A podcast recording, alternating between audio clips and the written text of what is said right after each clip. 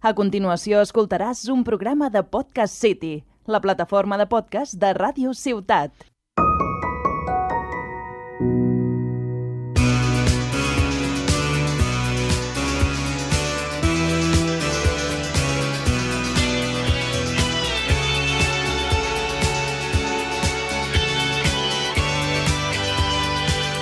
Benvinguts a un nou programa de podcast Parlem del Nàstic. Avui parlarem del partit de Benluc amb Múrcia i farem la prèvia pel pròxim partit a domicili contra l'Algesires. El Nàstic de Tarragona empata el nou estadi de Benluc amb Múrcia en un partit en què el conjunt grana va tindre dues cares diferents durant el transcurs del partit, va pecar de gol i de falta de contundència defensiva, i el pròxim partit serà fora contra l'Algesires Club de Futbol, un rival directe que lluita pels mateixos interessos que el Nàstic, està espaiós per pujar a la, categoria de plata del futbol espanyol.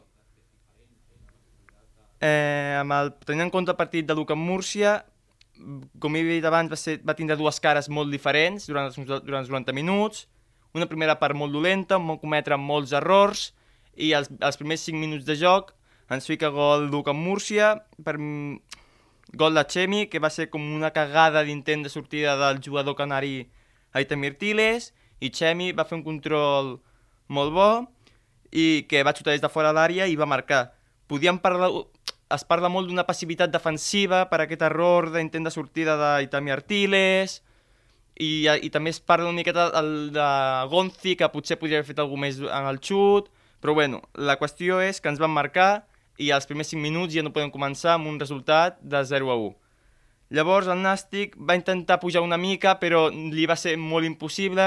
Passa que va marcar gràcies a un gol de Javi Ribelles al centre del córner balear Francesc Fullana, que va, és un gol que s'ha provocat moltes queixes i indignitat per la gent de Luca Múrcia, perquè van, diuen que la pilota no acaba d'entrar, però en un vídeo que ha fet a la, seva, a la compte de l'Instagram el Nàstic a, a càmera lenta es veu que la pilota entra per complet, per tant és gol vàlid, no tenen per què queixar-se la gent de Luca Múrcia.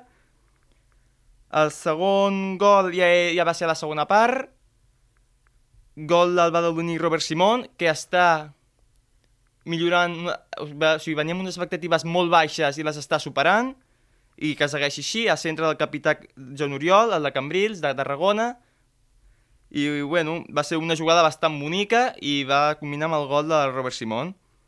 Podríem parlar d'un resultat injust perquè la segona part, en concret, van mereixer el tercer i ho vam intentar de totes les maneres. Va haver un tirat pal del guineà Yannick Buila, centres perfectes de Bonilla, que sempre es fa perfectes, és un dels millors, té, té un dels millors golpejos amb la cama esquerra de tota la categoria, perquè és, vull dir, la seva cama esquerra és de luxe, és molt bona, i després dos xuts del capità Joan Oriol, que van sortir per molt poc, que, bueno, podien haver entrat, però va ser que van tocar en defenses i van desviar la pilota cap als corners.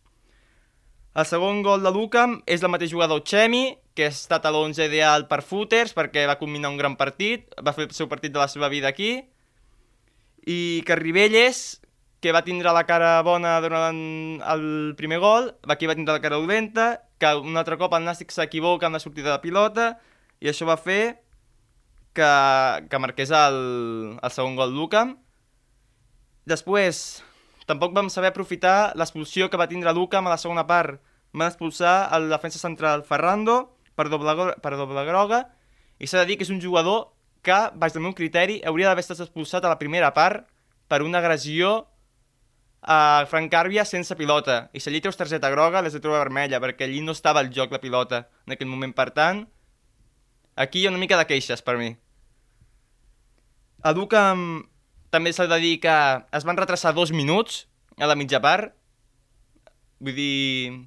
I la, i la gent es va in, in, impacientar per aquests dos minuts d'espera que van fer i la federació no dir res al respecte perquè són dos minuts i tampoc hi ha per què queixar-se. I, doncs bé, només això. El resum del partit, que no podem oblidar tant, no podem perdonar tant.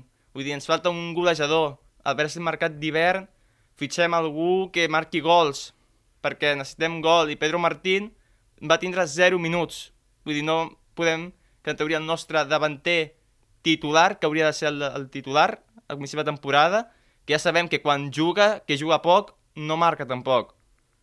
Però almenys que fiqui 10 minuts, perquè si no, perquè si no es fica... Si, si, vull dir, si hi ha 0 minuts, segur que no marca a la, a la banqueta. Per tant, és això. I després una miqueta que vam començar bé en defensa la temporada, però cada vegada la defensa va baixant. Potser un, una mica d'aires a la defensa no vindria malament, perquè s'ha lesionat Pol Domingo i, la, i des que es va lesionar la defensa ja ha fet aigua sota el costat. Per tant, no podem... Hem de vigilar una mica. Eh, el pròxim partit serà davant del Jazira, a terres de Cádiz, i serà diumenge 21 de novembre a les 5 de l'estadi, a l'estadi Nuevo Mirador. Un Algeciras que té un punt menys que nosaltres, com dit abans és directe, nosaltres tenim 19, ells tenen 18, per tant, aquest partit és crucial per a la temporada. Serà un partit molt difícil de guanyar, com perquè el Nàstic, a part que li costen els partits fora casa, que no en guanyen ningú, a les Gegires el seu camp és molt fort i és un equip que marca molt gols i que, i la, que la seva afició apreta molt. Té molts bons jugadors, com el porter Ivan Crespo, ex del Racing de Santander, que té un golpeig i té molts bons reflexes. Té un lateral que es diu Tomàs, que és l'esquerra, i té un molt bon golpeig de pilota i ha marcat algun golàs en aquesta, en aquesta nova categoria. I el davanter Álvaro Romero, que porta 7 gols, el Nàstic encara, el màxim golejador, porta 3 gols. Vull dir, la diferència és de 4. Per tant, defensa, millora una mica perquè si no ens fotrà el vuitè o el novè, cosa que no volem. Per tant, defensa, estiguet atenta, migcampistes reaccioneu i davanters marqueu. És l'únic que podem dir en aquest partit. A les Agires ha guanyat 4 partits, 3 a fora, una a casa. A casa potser li costa més, però és un equip que costa molt de doblar a casa i els tres de fora ha sigut davant el seu derbi, que és contra la línia 04, el camp del Sevilla, que va també golejar, i a un altre camp que també va golejar, vull dir, el seu equip és molt golejador, i la per tant la defensa haurà de millorar, com he dit abans, i el, igual que els davanters, que el que volem és que marquin gols i que fiqui Pedro Martín. A veure si Pedro Martín al final juga, marca i estem tots contents perquè si no juga no marca. Pel que fa a la porra, me vaig dir 1 a 2, dic, vull dir, estic allí, 1 a 2, guanyem, justos, i els 3 punts cap a Tarragona. I pel que fa a la possible alineació, pel que fa a la possible alineació, torna Manu García, el fico titular, Joan Oriol, titular indiscutible, el, va fer un partides contra l'UCAM, Quintanilla, el fico, Aitami és un jugador que ha vingut aquí per jugar, i per jubilar-se, per mi, pel meu pare, també s'ha de dir. Però jo li seria de banqueta en un partit.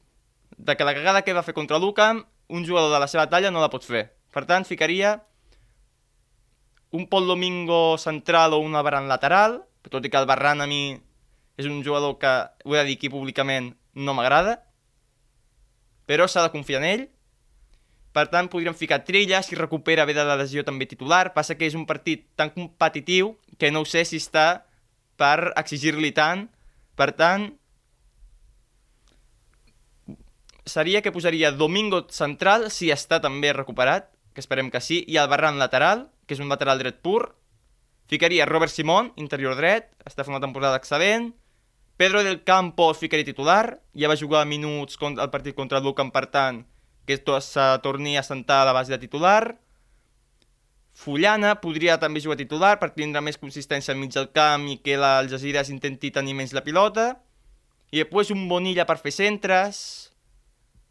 Seria potser el, la meva, el meu mig del camp, perquè vull el veig un jugador per la segona part, més físic, per aguantar la pilota, per, o sigui, per tindre contenció i perquè la pilota no la tinguin els altres i per provocar faltes, que ho va fer molt el partit contra l'Ucam, que va ser un dels millors també que va girar-se molt i com el ser, tindre un físic tan corpulent, era, és molt difícil tirar-li el terra sense falta. I a dalt, Edgar Hernández ja va estar al banquillo, a la banqueta, al partit contra el Ducan, però no va jugar, perquè també ve d'una lesió.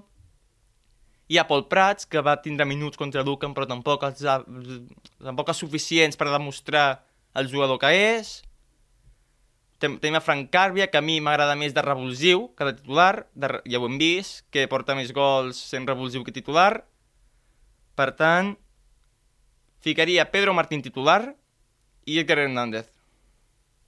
Per mi, I s'ha de dir que a l'Al Jazeera s'ha fet un cartell mig provocador, podíem dir, que ha, a molts aficionats, ma, com tu a mi, els ha provocat, que fica, han aprofitat l'expressió nasti de plàstic i han ficat una C al final a les dos llocs i queda nàstic de plàstic.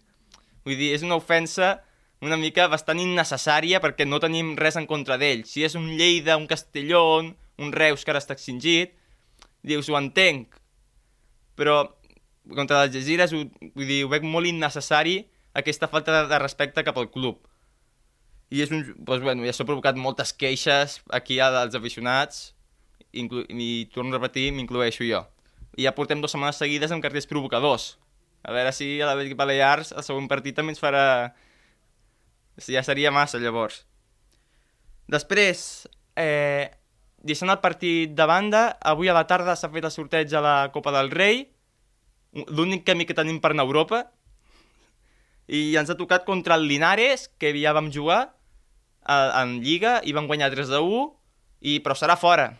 A veure, vull dir, fora costarà bastant, però és el Linares, tampoc és aquí ningú Algeciras, ningú Albacete, vull dir, és, és un rival que podem guanyar, que està, que està en descens el Linares, per tant, en teoria hauria de ser assequible. Però, clar, tenint el convenient que és fora, que no estic a fora, no, no, no tira ni pelante. Després, també, el nàstic femení torna a guanyar i continua en posició ascendent i per col·locar-se en les posicions privilegiades i d'aquí sumar a la primera catalana i així anar sumant fins a arribar on puguin. Per tant, des d'aquí desitgem també molta sort per aquesta temporada, que continuïn així. I fins aquí el programa. Gràcies per escoltar-nos al podcast Parlem del Nàstic.